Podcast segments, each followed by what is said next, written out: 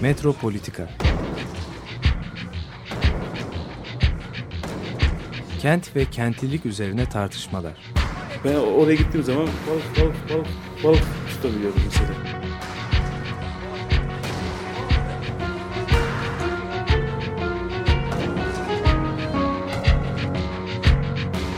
Hazırlayıp sunanlar Aysin Türkmen, Korhan Gümüş ve Murat Güvenç. Takusuyor yani. Kolay kolay boşaltamadılar. Yani elektrikçiler terk etmedi Perşembe Pazarı merkezinde. E, merhabalar değerli Açık Radyo dinleyicileri. Bugün Metropolitika'da e, iki kişiyiz. Aysim Türkmen ve ben Korhan Gümüş. E, Murat Güvenç de bize telefonla e, bağlanacak. E, şimdi istersen e, Aysim e, bu artık gündem tek yani bu kadar süre içinde herhalde konuşulacak en önemli konu Marmaray'ın dünkü açılış töreni. Ee, işte kıtalar arası açılış, kıtalar arası cumhuriyet falan acayip başlıklar kondu. Yani böyle bir şey var. Yani bu tanıtım fırsatı kaçırılmadı. Açılan ne diye bakılırsa aslında... Bir de asrın projesi var. Ha asrın projesi. 150 yıllık proje falan. Ee, tabii ki yani 64 Hangi kilometrelik. asrın oluyor? 21. yüzyılın mı? 20. yüzyılın. Asırların demek daha doğru olurdu belki herhalde. 19. yüzyıldan Asırların projesi, Hatta, değil evet. mi? 300 yıldır. Evet. Şimdi tabii burada e, ha bunu da söyleyelim sabah 8 çeyrek geçe bir de elektrik kesintisi oldu biliyorsun belki. Hürriyet'te Hürriyet gündemde çıktı. E, bu elektrik kesintisi sonucunda yolcular yürüyerek tüneli geçtiler. Bu harika bir haber. Demek ki yürüyerek geçilebiliyor. Bunu, Ee, bunu çok kıskandım. Evet belki bir maraton falan da düzenlenir. Avrasya Maratonu belki tünelden de geçirilebilir. Çünkü yanlarında yürüyüş platformları var. Yani sadece raylar yok. Oradan yürünebiliyor. Belki manzaralı olmasını halk bunun için istiyor. Ben televizyonda birkaç kişiden görüşler duydum. Niye bunun pencereleri yok diyorlar. Ama haklılar. Bence en temel mesele bu. Hani şimdi Venedik'e gidiyorsun mesela Venedik'te tünelin altında seni metroya indiriyorlar ve Venedik'i metroyla dolaşıyorsun. E böyle bir şey biraz İstanbul'a haksızlık yani tarihi suliyeti göremesen bile Boğaz'ın denizden böyle deniz altından bir görünüşünü falan yansıtsalar vagonun içine, vagonların içine ya da duvarlara mesela giderken aradan balıklar geçse falan güzel olmaz mıydı? Yolcular Galiba- bunu istiyor. Teknik olarak imkansız. Öyle cam mı yapmak imkansız? İmkansız diye bir şey yok canım. Uzay araçlarına bile o kadar basınca dayanıklı camlar koyuyorlar ki belki ileride pencere açarlar. Yani bir öneri. Bunu e, yürüyüş yapan insanlar da herhalde fark ettiler. Yani ferah ferah yürümek varken şöyle etrafı görerek falan. E, bir betonun içinden gidiyorsun. Yani e, yürüyüş yapılacaksa özellikle bu arızalar sık sık olacaksa o zaman o kaldırım gibi iki tarafındaki platformların içine belki küçük pencereler açılsa Hani dev akvaryum falan gibi şeyler var ya açıldı. Onun gibi belki boğazaltı manzarası, işte göç eden balıklar, deniz kirliliği mesela bu da çok önemli. Yani insanlar deniz kirliliği hakkında bilgi sahibi olabilirler. Eğer o camlara işte bir şeyler yapışırsa falan kirlenirse. Ee, arada bir açılış töreninde gördüm ben. Ee, muazzam bir cam sil ordusu vardı. Binali Yıldırım geliyor diye. Ee, bin- daha doğrusu açılışı denetlemek için Ulaştırma Bakanı, Sayın Ulaştırma Bakanı gelecek diye Yeni Kapı'ya gittim ben. Muazzam bir koşuşturma vardı. Ee, tam şey orası böyle bir şeye de benzemiş. Hani ne kent ne e, şey kırsal bir alan. Böyle şey gibi bir yer olmuş. Böyle meteoroloji istasyonu falan gibi. Böyle arada yeşillikler, çakıllar vesaire. Henüz daha herhalde düzenlemeler bitmemiş. Zaten o istasyonun da öyle şey bir havası yok yani. İşte şehre uygun bir e, şey falan yok. Biçimi yok yani. Öyle kalemtıraş gibi orada duruyor. Ortada böyle yuvarlak bir salon. Şimdi bu şeyde bir koşuşturma yaşanıyor. Acayip bir koşuşturma. Ee, ben dedim yani bu koşuşturma ne? İşte bakan geliyor, bakan geliyor falan. Herhalde denetim yapacak tam açılıştan önce. Ee, elinde cam sil şeyleri olan bir ordu çıktı birdenbire. Şeyin içinden, tünelin içinden. Ama böyle kravatlı, kravatlı ve şeyli. Cam silli. Cam sil, ellerinde böyle cam sil şeyleri var ya böyle hani böyle sıktıkça şey oluyor, püskürtüyor. Onlar var ellerinde. Bunlar herhalde şöyle bir talimat verdiler. 50 kişiye cam sil, e, verin. Bunlar camları e, silsinler. Yani işte herhalde metro vagonlarının falan içi içi dışı tozlanmıştır. Çünkü o sırada orada beklerken inşaat devam ediyor. Elektrifikasyon şeyleri matkaplar çalışıyor falan filan. Bir taraftan da gürültü var içeride. O çalışırken tabii biraz toz herhalde kalkıyor. Birisi talimat vermiş. Bakan geliyor bütün herkese bir cam sil verin diye. 50 kişi böyle şey gibi hani e, çevik kuvvet polisleri gibi ellerinde ama cam sil olan e, bir ordu böyle gidip her tarafı siliyorlardı falan. Böyle bir koşuşturmalar koşuşturmalar. Ama bu elektrik kesintisi ilginç. Yani e, en olmayacak şey çünkü yani iki tarafta çünkü farklı şebekeler var biliyorsun. Anadolu yakasında, Asya yakasında e, Ayadaş var. İşte bu e, İstanbul yakasında, Avrupa yakasında BEDAŞ var. İki tane ayrı dağıtım şirketi var. Ve bunların ikisinden birden elektrik alıyor Marmaray. Yani bir tanesi bozulursa, bir tanesinde bir kesinti olursa öbürkünden almaya devam edebiliyor. Ama bunun dışında da tıpkı havalanlarında olduğu gibi, çünkü havalanlarında işte elektrik kesilince e, uçaklar inmekten vazgeçmiyor. Çünkü inmeye devam ediyorlar. E, orada bir büyük jeneratör var. Marmara içinde çok muazzam bir jeneratör e, şey var, kompleksi var. Yani şehir elektriği kesildiği anda bunlar anında devreye girmeleri gerekiyor falan. Fakat işte bu sabah 8 çeyrek geç elektrik kesildiğinde Girmemiş devreye. girmemiş. O zaman bu demişler ki seferlerimiz iptal edildi. Marmara ile ilgili hani biraz acele, alelacele bir durum olduğunu yani zaten hani e, çeşitli kaynaklardan da bunu duyuyoruz. Bir alelacele aç- açılış olduğunu hani cam sillerle kravatlı insanların camları silmesi, elektrik kesintisinden zaten bunu hissediliyor anladığım kadarıyla. Evet. Bir de tabii yani bu bir şey de çanak çömlek için bizi beş sene oyaladılar demişti başbakan. Yani acele ediliyorsa o zaman çanak çömlek diye yani yeni kapıda diyelim arkeolojik kazılar oluyor. E İşte altın fırsat yani o zaman diğer bölümlerini Marmaray'ın değil mi o şebeke üzerindeki diğer hatları, istasyonları falan yapmak için de fırsat vardı. Yani aynı yerde çalışılmadı ki Marmaray'ın sadece projesi yeni kapıdaki transfer merkezine ibaret değil. Dolayısıyla diğer bölümleri en azından bitirilirdi. Şu anda ilk biten yer yeni kapı. Yani şu anda bir tünel çalışıyor aslında. Yani bir buçuk kilometreye yakın diyelim bir tünel var. Bir de onun dışında işte açık kazı yapılan bir bölüm var. iki tarafta da. Yani ayrılık çeşmesinden kazı çeşmeye aslında yani normalde bir motor seferiyle ya da bir vapur seferiyle gayet kaliteli bir yolculuk yapılabilecek şey biz insanları yerin altından ve 5 milyar dolarlık bir bütçesi olan şeyle e, şu anda ulaştırıyoruz. Yani bu birinci etap aslında feasible bir etap değil. İstersen buradan girelim konuya. Çünkü Marmaray'ın tarihinde aslında hep şöyle anlatıldı. İşte Londra'dan trene binen bir insan Pekin'e gidebilecek. Aynı Katarlar, e, sanki yük taşıyan şeyler de dahil buna, e, Katarlar da dahil, e, şeyden kesintisi olarak Avrupa, Asya arasında yolculuk yapabilecekler. Marmaray aslında şeyi bağlayan, e, endüstriyel ulaşım hattı deniyor. Yani 19. yüzyıl sonuna doğru şekillenen bu demiryolu şebekesini Avrupa ile Asya arasındaki bağlayan e, bir geçiş noktası. Haydarpaşa ve Sirkeci garları onun için işlevsiz kaldı deniyor. Oysa ki Marmaray ortaya çıktı ki sonradan ortaya çıktı ki bu bir metro omurgası, metro ana hattı. Yani bu bir e, şey değil, e, tren hattı değil. Yani trenler e, şehrin dışında bitiyor. O yüzden zaten tartışma da burada e, başladı. Yani bu bir metro hattı olarak planlanmış olsaydı, o zaman Büyükşehir Belediyesi örneğin yapmış olsaydı, herhalde iki defa metro yapmak yerine E5 hattını deniz altından uzatıp, ki zaten aynı noktaya geliyorlar, E5 ve Kağıthane arasında olabilirdi.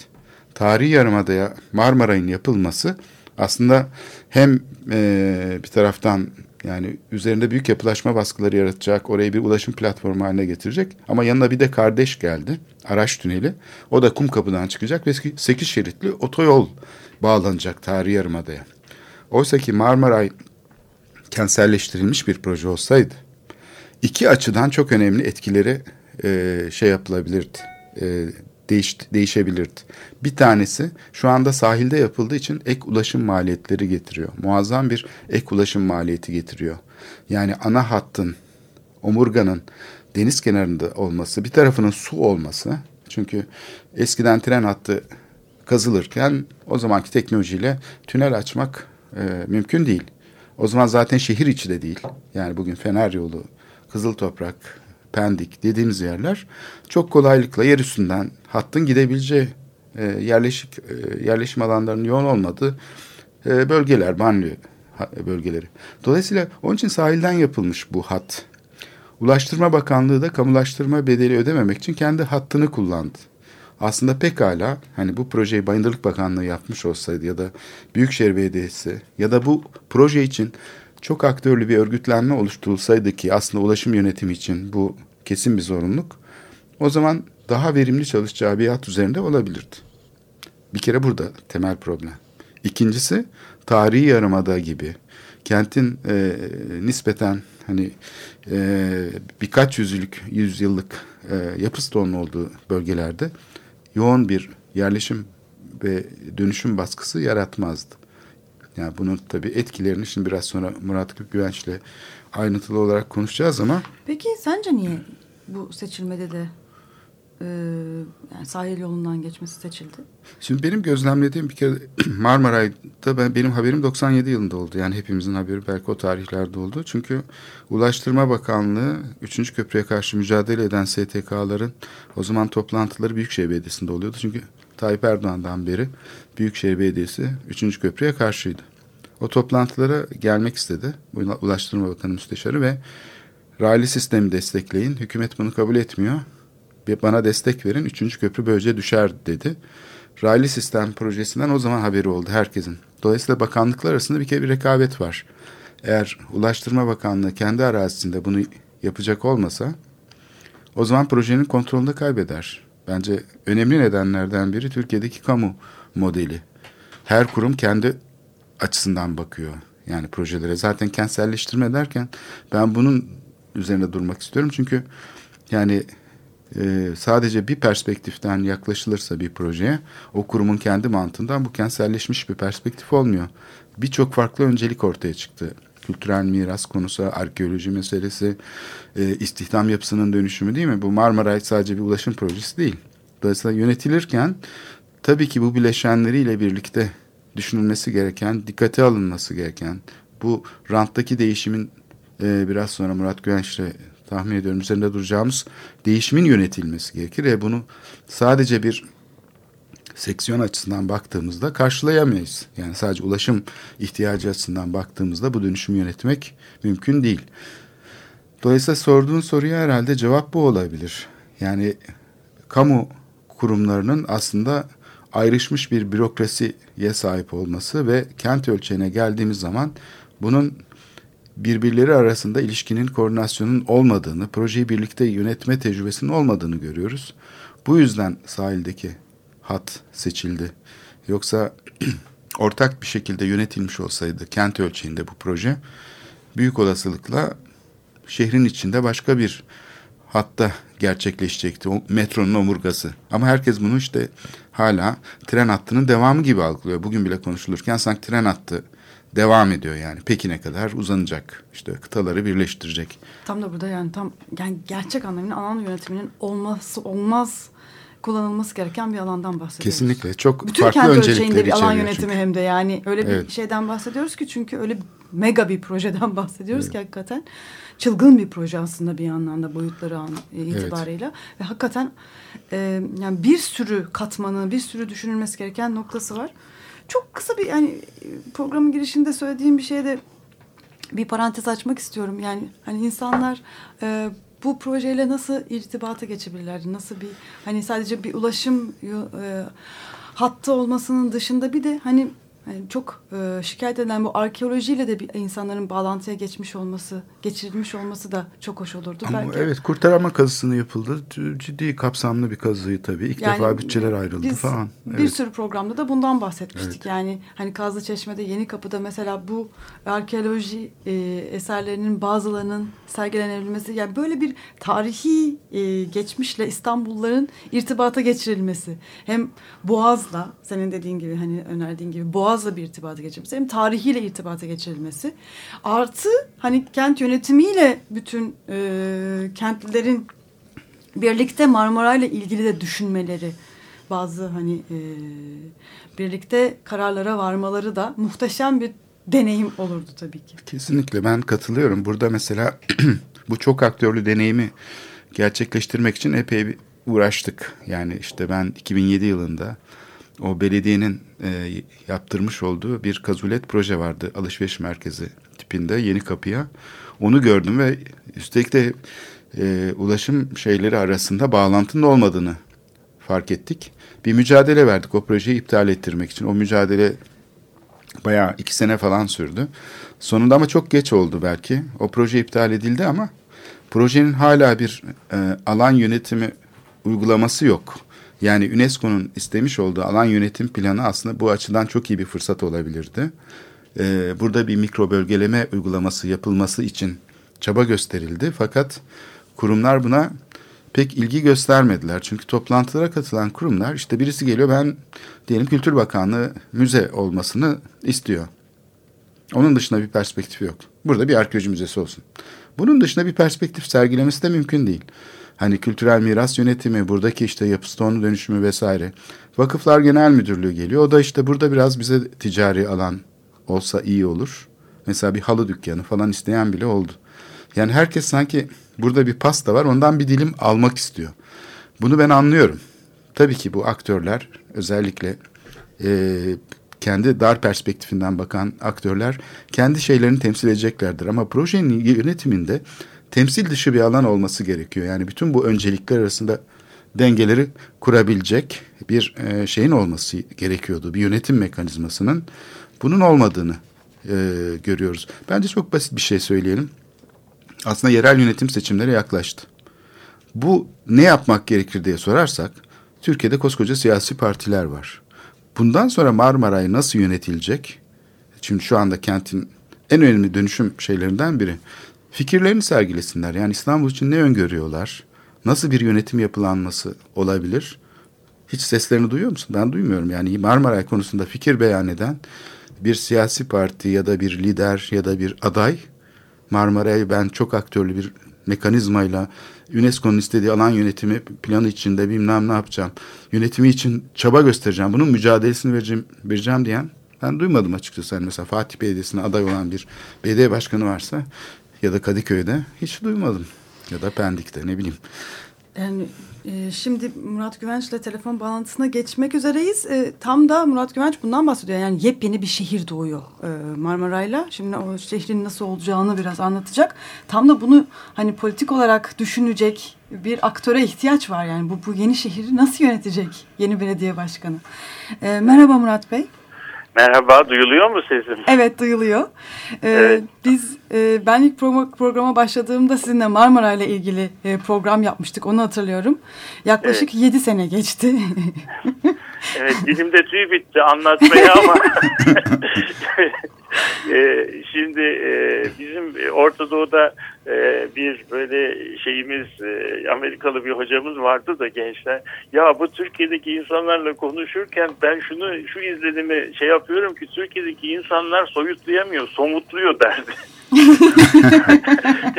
yani şimdi somutlamanın zamanı geldi zannediyorum ama ben demin şeyi dinledim, e, Korhan'ın söylediklerini dinledim. Ben yüzde e, doksan e, katılıyorum. Yani e, bu bu bu bir e, bu bir mühendislik projesinden ibaret bir şey değildir. Bunun e, yönetilmesi çok çok önemlidir. E, ve de kısaca bir şey söyleyeceğim. Eğer biz bunu yönetmezsek, bırakırsak bu şehri tamamen arsa e, şeyinin piyasasının ve emlak piyasasının şeyine e, insafına terk etmiş oluruz ki burada çıkacak sonuçlar siyaseten ve de toplumsal olarak en hakkaniyet, en de uygun, en adil sonuçlar olmayacaktır. Bu, bu, bu şey, bu yapılan iş böyle çocuk oyuncağı falan değildir. Çok çok önemli bir yatırımdır. Yani İstanbul'un belki tarihinde e, tarihini yazanlar önümüzdeki yıllarda Marmaray'dan önce Marmaray'dan sonra diyecekler. Biliyorum bir böyle metroya failiyet e, atfediyorum. Yani sanki bir agent gibi bir şeymiş gibi ama böyledir. Yani bu e, kendi kendine bu metro İstanbul'un altını üstüne getirecek ve e, bütün e, metropoliten çalışma sistemini e, değiştirecek bir e, şeydir, e, bir projedir.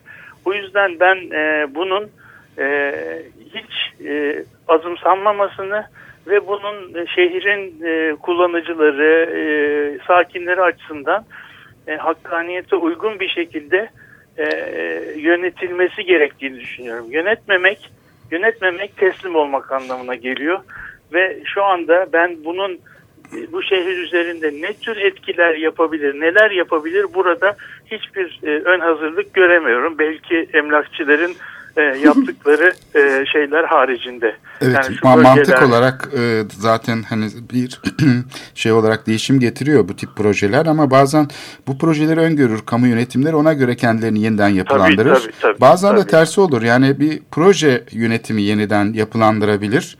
Projelerin de kent yönetimlerini yeniden yapılandırdığı söylenebilir. Yani böyle bir Evet. karşılıklı etkisi olması gerekir ama buna ilişkin organlaşma yok. Yani ben Tabii. işte onun için işte Kültür Başkenti programında mücadele edildi. Bu projeyi Evet. kentselleştirecek bir şey üretmek için bir alet. Ee, UNESCO e, alan yönetim planı içinde büyük bir mücadele verildi. Ee, Marmara'yı yönetmek için gene çok aktörlü bir ehlileştirmek için. Eh- kentselleştirmek diyorum. Sen ehlileştirmek diyorsun galiba. Evet yani bence kentselleştirmek daha doğru tabii kelime. Evet, evet. Ee, yani şöyle bir şey söyleyeyim. Ee, o sizin e, projenin bence e, ben o yarışmaya katılan ekiplerden birinin içindeydim. Ee, onun o yarışmanın bir tane önemli e, faydası olduğunu gördüm. Belki sen farkında mısın değil misin? O şeyin e, o lastik tekerlekli tünelin çıkış yeri Kazlıçeşme'ye alınmış. Yani Aa, bu ee, büyük bir bir de- müjde bu. Bu, şey- bu büyük bir şey. Evet, bir çok de büyük şey, bir müjde. Bir de e, battığı yerde şeyde olmuş. Battığı yerde e, Salacak'tan değil de Göztepe'den batıyormuş. İşte yani, tam Marmara bu- için bu- öngörülen yerler bunlar ilk Evet, geçmişte. Evet, evet. Yani bunlar e, böyle bir şey e, en azından o yarışmanın böyle bir faydası olmuş. Bizim hatırlarsan bizim projemizde de proje şartnamesinde yeni kapıdan çıkmasına rağmen biz grup olarak onu oradan çıkarmayıp Evet bunu, bunu Kazlıçeşme'ye kut- itti- kutlamak ittirmiştik. lazım. Kutlamak Bunu lazım. Sabahleyin, sabahleyin konuştuk ve e, yani hani galip sayılır bu yolda mağlup dedik ya. Yani şeyle beraber e, Emre ile beraber yani hakikaten o yarışmanın e, belki en olumlu şeyi en olumlu e, yönlerinden bir tanesi. Belki bir küçücük bir duyarlılık kazandırdıysa bu olmuş olmalı. Yani o yüzden de boşa gitmedi. Yani bunu kutlamalıyız E, bence. O- kesinlikle. Bu çok önemli bir haber. Bilmiyorum basının haberi var mı? Çünkü Var. e, bu evet, Mar sessiz, seda, sessiz Evet. sedasız olmuş bu. Ben dün de Evet. gördüm. Çok da bu sabahleyin de e, Emre ile paylaştım. bu olağanüstü ama, bir ama, haber. ama, ama bunu yani e, bu Marmara'yı böyle e, şey olarak da görmemek lazım. E, nasıl diyelim? Hani e, hep kara kara bulutlar halinde de çizmemek lazım. Yani metropolün bir tarafından bir tarafına bugün şu İstanbul'a gitmek çok zor ama Evet. bu yapıldıktan sonra bazı bölgelerde de bir takım fırsatlar Bugün yani bizim Fransızca'da yer değil, non-lieu denilen yerlerin e, dönüştürülmesinde katkıda bulunabilir filan. Yani böyle bir olumlu tarafları da olur diye düşünüyorum. Ben Katanya'da buna benzer bir projenin sunumunu iz yani Katanya için yapılmış bir projenin sunumunu izledim. Belki sen de izlemişsindir. Yok, Ee, görmedim. bu şeyde Venedik Bienalinde. Ee, orada e, bölgenin yani e, başkanı e, konuşmasında aynen buna değindi.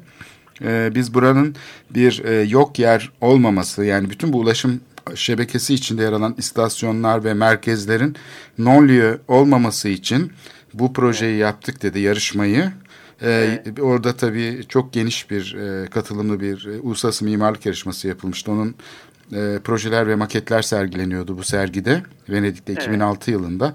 Orada bu e, şekilde yani uluslararası bir yarışmayla bütün istasyonların ve kent merkezlerinde yaratacağı dönüşümlerin en azından fikir düzeyinde sorgulandığını gördük. Şimdi burada çok önemli bir şey söylüyorsun. Ana transfer merkezinin projesi için müdahale edildiğinde yani bir, bir, bir şeye e, merkezi yönetime e, bu, bu projenin yönetim için çok aktörlü bir alet gerekir ve bunun için UNESCO e, yönetim planı içinde bir mikro bölgeleme şeyinin uygulamasını gerçekleştiğini dendiğinde büyük mücadeleler sonunda diyelim bunu kabul ettirildi. Fakat bu e, araç tüneli projesi sonradan geldi ve monte oldu. Yani bunun Evet. uzun süre Evet. sakladılar ve araç tüneli Evet. ortaya çıktıktan sonra Kumkapı'daki Balık Ali'nin oradan e, çıkışı vardı ve tam da yeni kapıda e, ahtapot gibi bir kavşak öngörülüyordu.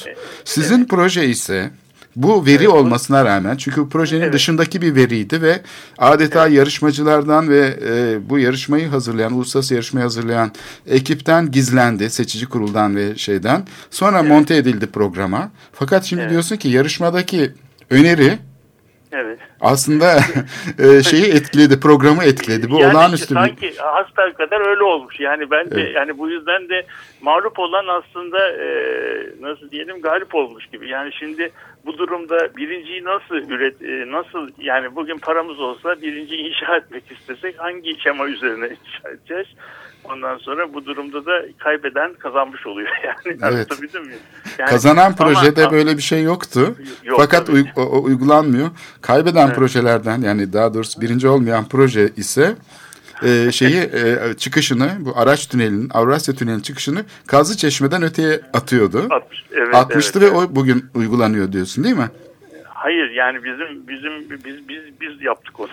E, tamam Bizim yani proje- bunda belki payınız olmuş olabilir ama bazen de insanlar işte sağduyuya davet edilince Evet.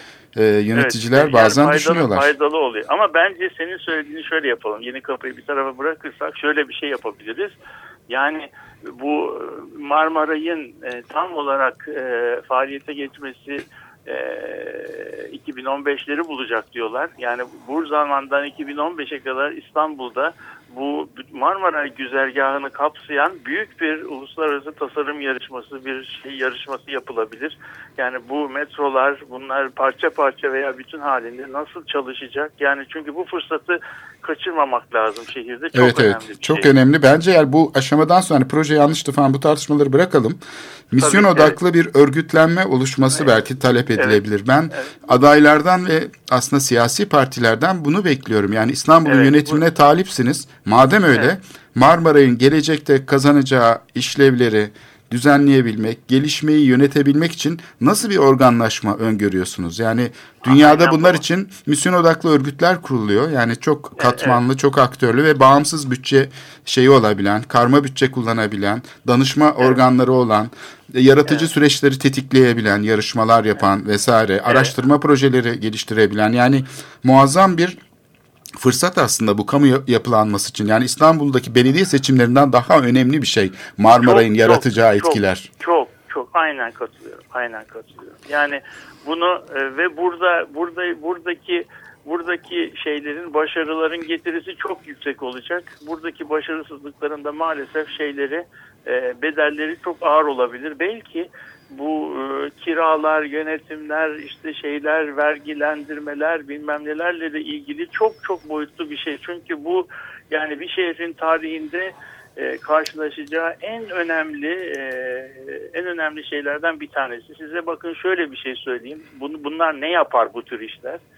Ben e, çok eskilerde 1970'lerde master tezimi Anadolu yakasının imarı üzerine yaptım. E, o zaman köprüden evvel görüyoruz ki bütün İstanbul Anadolu yakasının İstanbul nüfusundan aldığı pay yüzde 17 ila 20 arasında değişiyor. Hiçbir zaman yüzde 20'yi geçmiyor.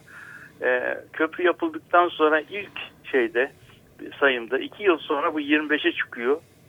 10 yıl sonra 35'e çıkıyor. Bugün %50 oldu. Yani İstanbul'daki nüfus dağılımı bu şekilde değişti. Şimdi bunun üzerine bu köprünün, birinci köprünün kapasitesinin 14 katı e, yüksek bir şey yatırım yapılıyor. Bu İstanbul'un yani size şunu söyleyeyim. Yani e, bildiğiniz, aşina olduğunuz İstanbul'un sonunu getirir. Bu, bu böyle kendi başına çalışılırsa. Yani bunun yönetilmesi, denetlenmesi ve bunun içerisinde bir mantık, bir şey ol, izleme olması lazım. Kendi başına bırakılamayacak kadar önemli bir yatırımdır diye düşünüyorum. Evet burada bildiğimiz e, kamu örgütlenmesi pek fazla işe yaramıyor. İşe Yani yaramayacak, koruma evet, kurulu evet. efendim projeleri denetlesin. E, yani Ha, öyle öyle, bir şey değil. Bu Başka- gelişme başka- yönetmek başka bir şey. Yani kültür Başka mirası şey. sadece proje denetleyerek yönetilmez. evet, Başka evet. şekillerde bir yönetime ihtiyaç Evet, var. aynen. Bu Teşvikler olur, politikası kanunlar- olur vesaire. Evet. Şimdi- Bu benim söylediğim yani seninle beraber aynı saat dakikada konuştum kusura bakma da yani e, heyecanlandım.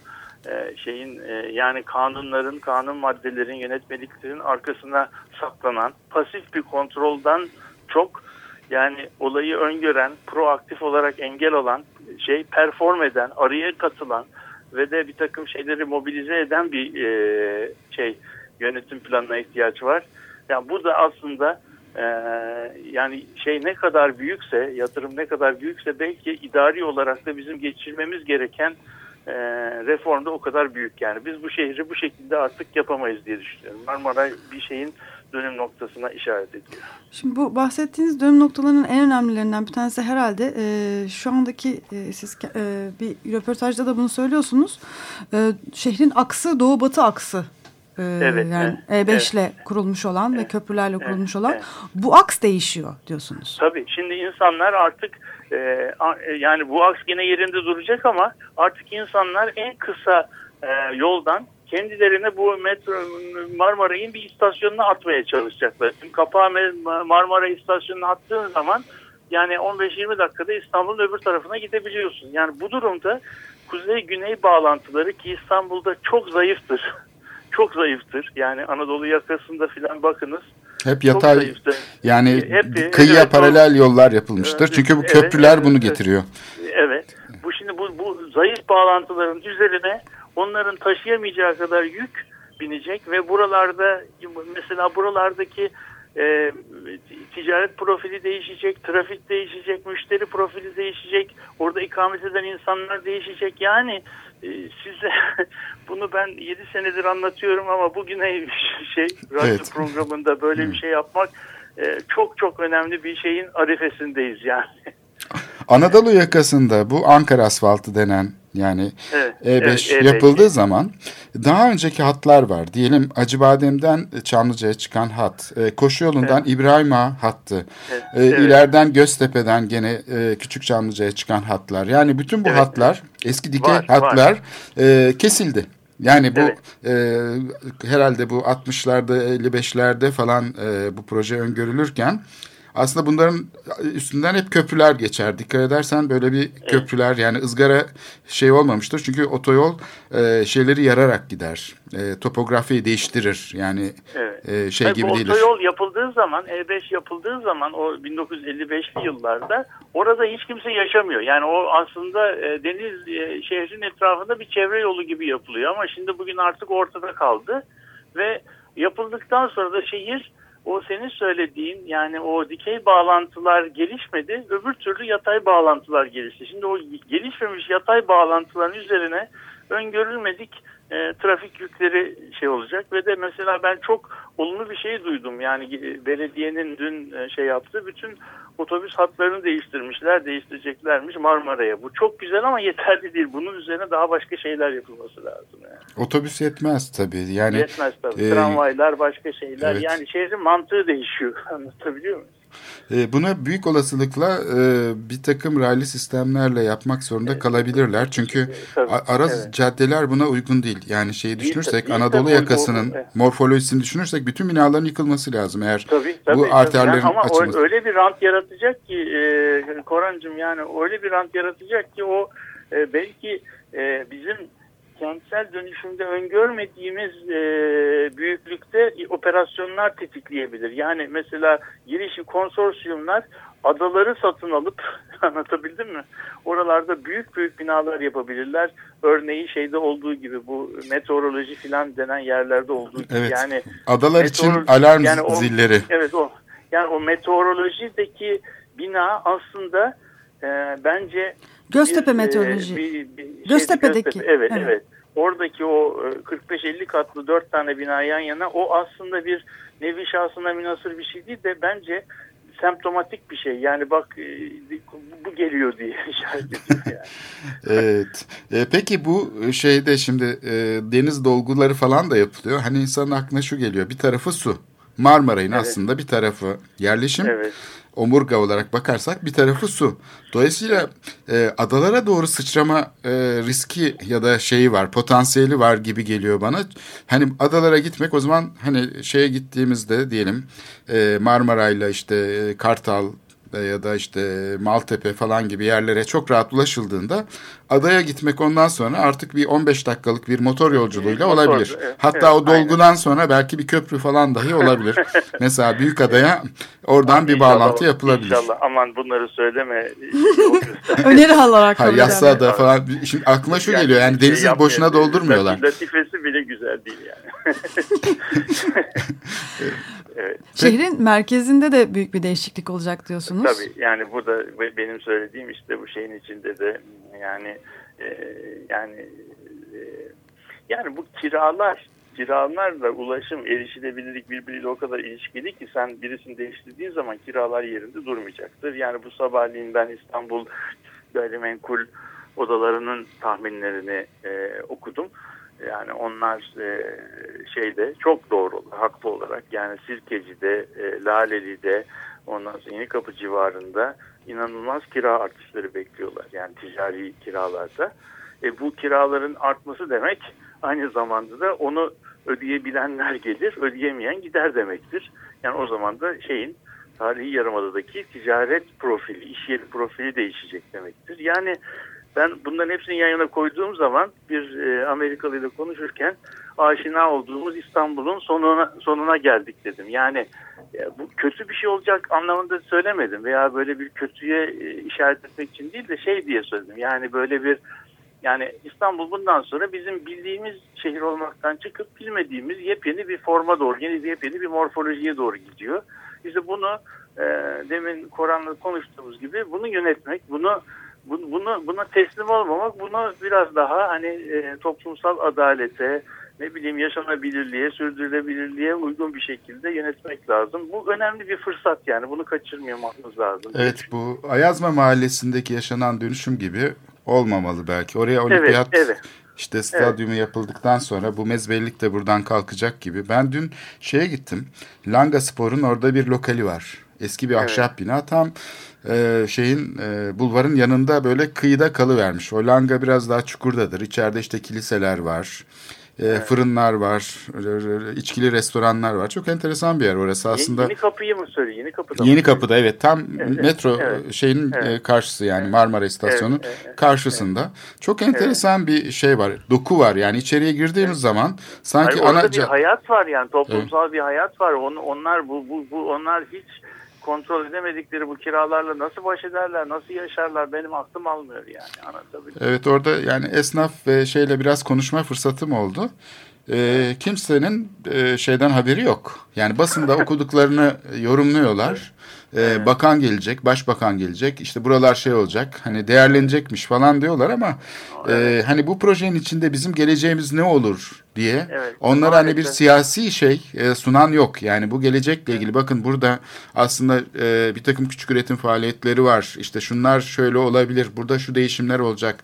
E, buralar ofise dönüşebilir. Onun için haberiniz olsun. Yani siz burada belediye mesela böyle bir şey yapabilir ama e, belediye kentsel dönüşüm alanı ilan ederek aslında ranttan pay almaya çalışıyor be, Aynen, sanki. Aynen, aynen. Yani başka bir dönüşüm modeli gerekiyor. Bu kentsel dönüşüm aynen. bugünkü E, bu 5366 kentsel- evet, bu- bu sayılı yasayla olacak gibi değil. Bir, evet, bu Yani farklı bir şey. Hemen belki bunun üstüne gitmek lazım. Ben muhalefet partileri ne yapacak ya da İstanbul'a aday olanlar ne yapacak derken biraz bunu kastediyordum. Hem bu afet yasası denen yani bu şeyi yapı stoğunu yeniden yapılandırmayı şey yapan e, yasa olsun. Hem 5366 olsun yani bu tarihi e, alanlarda sit alanlarındaki e, şeyi dönüşümü öngören yasa bu yasaların aciliyetle değişmesi gerekir. Yeniden yapılandırılması gerekir. Çünkü katılımcı bir model öngörmesi gerekiyor. Adil olabilmesi için. Aynen, aynen. Yoksa Tarlabaşı projesi gibi olur, yoksa Sulukule projesi gibi olur bu dönüşüm. Aynen, aynen. Ve o zaman da bir aslında siyasi açıdan da e, yaratmış olduğu etkileri e, şey yapmış olamaz. Yani küçük bir kesimi mutlu eder. Aslında geniş oy tabanını da kaybeder. Yani bir bakımda da e, böyle bir Yani riski kimseye- de var. Kimseye bir faydası yok yani. Hani bunu bunun bunu siyasi bir şey olarak söylemiyorum. Yani bu burada başlatılan şeyin çok büyük bir faydası yok yani. Memnun ettiği kadar memnuniyetsizlik yaratır. Bunun yönetilmesi lazım yani. Evet. Söyleyeceğim budur. Evet. Ee, Ben biraz daha böyle detayları da sormak istiyorum. Hani mesela e, şehir merkezi derken onu da sordum e, demin ama e, yani Taksim e, bugünkü Ne olur? öneminde olmayacak sanırım. Evet, evet olmayacak. Taksim, e, Taksim ne olacak? Bugün Taksim biliyorsun kuzey yönünde yani kuzeyi şehir merkezine getiren akımların bir çeşit durak noktası. Son durağı bir İngiliz Fransızca terminüs denirdi. Yani şimdi artık Taksim terminüs niteliğini büyük ölçüde kaybedecek. Yani artık trenler e, Taksim'den gelip geçecekler, yeni kapıya gidecekler. Yani yeni kapı civarı daha önem kazanacak. Taksim önüne Taksim'de- geçecek. Evet, tabii şeyin e, burada burada mesela işte ne bileyim ben Anadolu yakasından Marmara'ya binen bir adam 20-25 dakika so- sonra Levent'e gelebilecek yani yarım saatte Levent'e gele Uzun'da Taksim'de duraklardan birisi olacak. Yani burada Taksim üzerindeki baskının azaltılması bakımından biraz daha e, hayırlı bir şey. Yani bazı yerler üzerinde de şey olacak yani hayırlı etkileri olacak diye düşünüyorum yani. Peki yeni kapının aslında doldurulması da e, Ha, onu o, o tabii onu onu, bir bakıma- onu kabul ediyorum. e, bu e, kazanacağı yeni işlevle ilgili diyebilir Tabii, miyiz? tabii.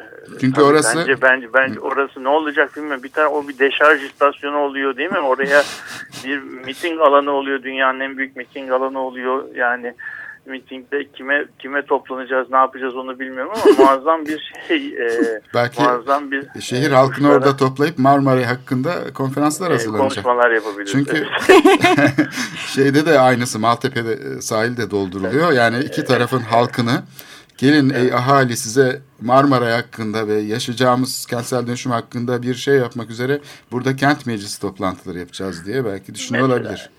Şimdi Yani buradaki şeyin artık güzel e, bu Twitter'ların bilmem nelerin olduğu dünyasında artık bu, bunu bunlara bunlara da gerek var mı bilmiyorum yani.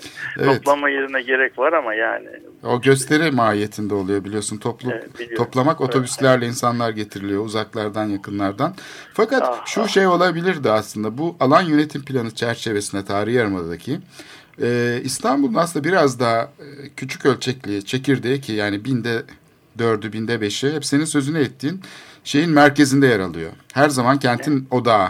Yani Evet, bu evet, ne kadar evet. gelişirse gelsin bu merkez değişmiyor diyorsun. evet, evet, bu merkez için aslında e, biraz Marmaray çok geniş ölçekli bir dağılım sağladığı için şehri aslında eskisinden daha geniş bir alana doğru yayma potansiyeli olduğu için hani Hollanda'da falan yapıldığı gibi yani aynı nüfusu daha geniş bir alana yayma imkanı tanıdığı için bir bakıma kent merkezindeki eğer e, piyasa odaklı yönetilmese bu iş kent merkezi üstündeki baskıyı kaldırıp kent merkezini bypass edip kent merkezini çok daha konforlu deniz ulaşımı mesela Ah, Venedik'te ah. olduğu gibi yaratılır ve o kent merkezine şeyler sokulmaz. Ee, araçlar yani bir tür hani Venedik'in dışında nasıl gelişme bölgeleri var, işte rezidanslar var, şeyler var ama kent merkezi korunuyor. Belki İstanbul'da da Marmara'yı kullanarak şeyin e, dışarı e, e, kaçması e, sağlanabilirdi nüfusun. Yani desantralizasyona da hizmet edebilir Marmara'ya aslında. Yani bu. bence hala da hala kaçırılmış bir şey, şey yok. Bu konuda bu konuda bence e, bu konuda yani altın bir fırsat var. Bunu İstanbul'un şey yapmaması lazım. Yani mıknatıs gibi merkeze çekmek yerine halkı Evet, Marmara tabii, yoluyla aslında Tabii. dışarı doğru itecek. Evet. Ona göre önlemler alacak. Yani benim benim sene benim senaryom tabii öyle olup olmayacağını bilmiyorum ama bu böyle hiç kontrol edilmezse zaten o senin söylediğin otomatikman yapacak. Yani şehir merkezindeki kiraları arttıracak, arttıracak, arttıracak, arttıracak. İnsanlar orada yaşayamaz hale geldikleri zaman da e, nüfus desantralize olacak. Şehrin ortasında da iş yerleri olacak filan. Yani buna benzer süreçler tetikleyebilir ama yani bunları oturup ciddi ciddi e, yer yer her yerin özelliğine dikkat ederek çalışmak lazım. Bu da bambaşka bir duyarlılık gerekiyor Korancığım. Evet. Ee, aşağı yukarı anlaşılıyor şeyler. Son etapta da bir de e, şimdi Anadolu yakasındaki e, demir yolu etrafı sanırım inanılmaz bir e, değişim geçirecek. Yani bir, bir küçücük Evet, bir şekilde evet, de buna da değinebilirsek orada e, hani her bir istasyon e, demin bahsettiğiniz gibi Göztepe'deki meteoroloji e, arsasının e, e, Evet. o, o, geçirdiği dönüşüme gebe değil mi? Evet, evet. Yani mesela oradaki şeyi düşünün. Onlar 19. yüzyılda yapılmış romantik istasyon binaları. Yan tarafında böyle işte 7 metrelik bir sokakla e, konutlara dağılan Erenköy istasyonunu düşünün, Göztepe istasyonunu düşünün falan. Yani bunlar böyle e, birer böyle şey gibi, biblo Ee, gibi şeyler. Villa Bu- bu- falan yani gibi değil mi? Biblo gibi yani Biblo, biblo, yani benim çocukluğumdaki gibi duruyor yani o istasyonlar. Şimdi bunların üzerine bunların üzerine bu bu bu zaten o şimdi istasyonların yeri değişecek. Yeni istasyonlar, yeni peronlar, her istasyonun kenarına otobüs durakları, otobüs duraklarının yanına parklar, işte bilmem neler yapılması gerek. Bunların hepsi geldiği zaman o bölgede binlerce kişinin transfer olması demek. Ar- İnsanların hiç uğramadıkları yerler artık gündelik hayatlarında transfer ettikleri yerlere dönüşebilir. Mesela Fener Yolu istasyonu böyle bir yer olacak. Yani o Özgürlük Parkı'nın önünde. Mesela Kızıl Toprak istasyonu kalkıyor. Yani artık Kızıl Toprak istasyonu diye bir yer olmayacak. Ondan sonra şey e, Söğütlü Çeşme'de olacakları tam gözümde canlandıramıyorum. Çünkü orada aynı anda hem e, E5 hem metrobüs hem e, şey efendim e, bu şey metrosu, Kartal metrosu bir de bu Marmara hepsi birbirinin iç- içine girecek. Yani orası orası İstanbul'un yani Söğütlü Çeşme İstanbul'un böyle yeni kapıdan sonra belki ikinci önemli belki daha önemli bir yeri haline gelecek. Yani bütün bunların tasarımı şeyini böyle e, şeye bırakmamamız lazım. Bunu bunu bunu dikkate almamız lazım diye düşünüyorum. Bunu İlk itirazlar da burada olmuştu zaten. Yani benim de içime hiç şey sinmedi. Yani bu e, Haydarpaşa istasyonu ki etrafında çok geniş e, şey var. Büyük bir arazisi var. Yük Evet, limanıyla evet. birlikte katarsak hele İstanbul'un belki şu anda en önemli kamu arazilerinden biri. Sirkeci istasyonu ki o da çok büyük bir e, alana tekabül ediyor. İçinde bir Evet. dolu gümrük e, binası var. E, işte şeye kadar var mekanik e, şeyleri, atölyeleri vesaireleri, cer istasyonları. Bu kadar geniş bir alanın ki bu aynı zamanda e, şeydeki e, bütün hava gazı fabrikası Yedikule civarındaki endüstriyel alanı da e, içeriyor. Aslında bu bölge, bütün bu kıyı şeridi Marmaray'ın dışında kalabilirdi. Yani Marmaray bunu atlayarak bağlanabilirdi. O zaman da e, konforlu bir şekilde burada e, kent içi bir ulaşım sistemi olarak aynı istasyonlar kullanılarak devam edebilirdi. Ben bunu yani bunun çöpe atılmasını anlayamadım. Yani bu sistem aslında evet, Haydarpaşa bir takım yeni ek işlevler olabilirdi. Yani istasyonla birlikte çok güzel e, onu tamamlayan kültürel işlevler de olabilirdi vesaire. Ama bir bütün olarak bu hat, bu eski endüstriyel ulaşım hattı korunabilirdi aslında. Ama senin işte de bu başta söylediğime geliyor. Bu, bu problemi düşünmek için soyut düşünmek gerekiyor. Biz ise önce önce somutlayıp Evet. ondan sonra düşünmeye başlıyoruz. Ulaştırma. Bakanlığı çünkü kendi şey üzerinden hareket etti ve aslında tren hatlarını birbirine bağlıyormuş gibi Marmara'yı tasarladı. Evet, evet. Ve raylı Yani sistem olduğu için de uzun süre bu proje bastırıldı. Yani hükümetler tarafından dikkate alınmadı. Nihayet İstanbul'un ihtiyacı artınca bu sefer de metro projesine dönüştü aslında. evet, aynen, aynen. Aynen. Neyse daha önümüzde çok uzun bir şey var gibi geliyor. Öğrenme süreci. Macera var. Evet. Macera öğrenme süreci şey yap. Ama bunu işte olumlu kullanmamız lazım yani. Evet. Ve e, sanırım e, kentin e, yönetimlerinin düzenleyemediğini Marmaray kendi kendine düzenleyecek. evet evet gözüküyor. bir tane şey vardır bir laf vardır dünyanın hiçbir metrosu yanlış yere gitmemiştir diye yani gittiği yeri gittiği yeri öyle değiştirir ki yani Doğru hale getirir. kendi kendi talebini yaratır yani hani talepsiz kalmaz ama metronun talepsiz kalmaması bizim açımızdan yaşanabilir, iyi, adil bir şehir çıkarır mı onu da bilmiyorum. Metro sadece talepsiz kalmaz yani. Ama burada İnşallah bu- Ulaştırma Bakanlığı'nın bu karar vermiş olması üzerine düşünülmesi gereken bir konu. Yani bu Evet, eski tabii. endüstriye ulaşım hattı kentin yapı stoğunun 19. yüzyıldaki yapı stoğunu aslında şekillendiren ana omurgalardan biri. Evet tabii tabii. Dolayısıyla tabii, bu aynen. e, yani Erenköy'ü semt olarak düşünürsek Üst Göztepe'yi, Bostancı'yı vesaire. Şimdi bu bir kültürel miras problematiği içeriyor kendi içinde. Evet, Acaba tabii, bir bence- kere de silinmesi gerekir miydi bu omurganın bir Yani yok bence ben- bak çok doğru bir şey söylüyorsun. Bu kültürel mirası abideye indirmemek lazım. O mahallelerin dokusu, yolları, sokakları kültürel miras değil mi abi? Yani sadece cami, e, çeşme, e, medrese midir şey? Yani bizim bu bölgenin altın üstüne getirmeye hakkımız var mıdır? Binalar tescilsiz diye anlatabildim? Yani o yüzden Bu işte daha uzun bir şeyimiz var. Uzun bir e, çapalayacak uzun bir yolumuz var hocam. Evet. Çabalayacak ve çapalayacak uzun bir e, hattımız var. Evet, evet. Bu, Çok teşekkür ederiz. Ee, Sağ olun. bu teşekkür daha bir ederim. başlangıç diyoruz. Bu- Öngörülerimizi. evet Marmaray çalışmaya devam edecek. Evet, Görüşmek, görüşmek üzere. dileğiyle. Marmaray çalışıyor diyebiliriz. Evet. Bugünkü arıza hariç. Sağ olun görüşmek üzere. Görüşmek üzere. İstersen Koran e, veremediğimiz müzik arasını şimdi e, kullanalım. E, biz de Lou Reed'den e, bir parça dinlemek istiyoruz. E, City Lights. Don't these city lights light these streets of life? These crazy nights bring us together? Any away.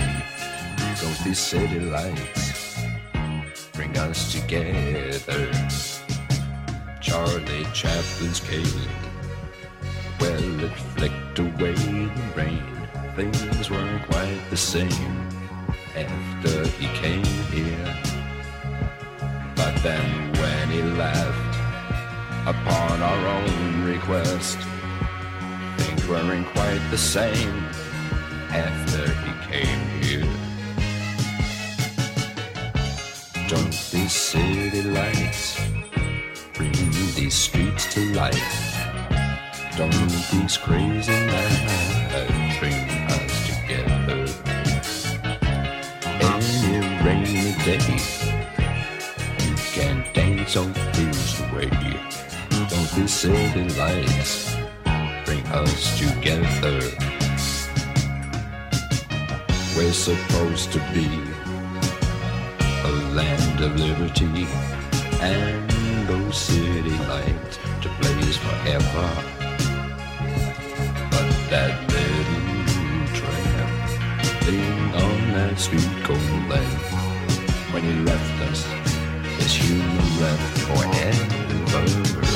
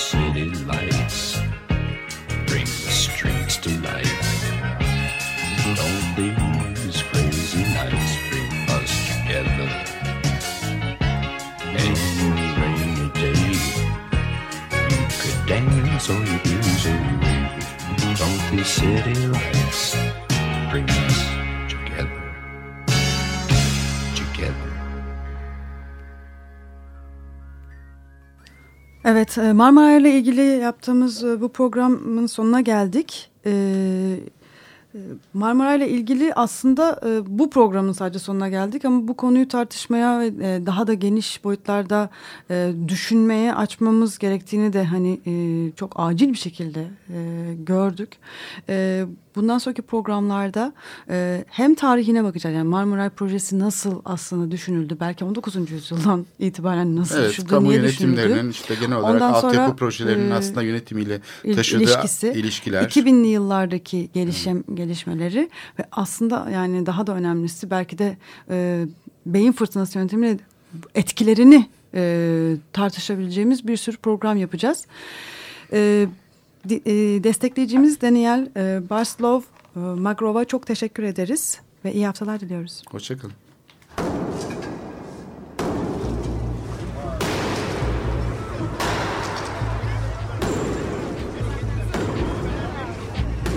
Metropolitika Kent ve kentlilik üzerine tartışmalar. Ben oraya gittiğim zaman balık balık balık balık tutabiliyordum mesela.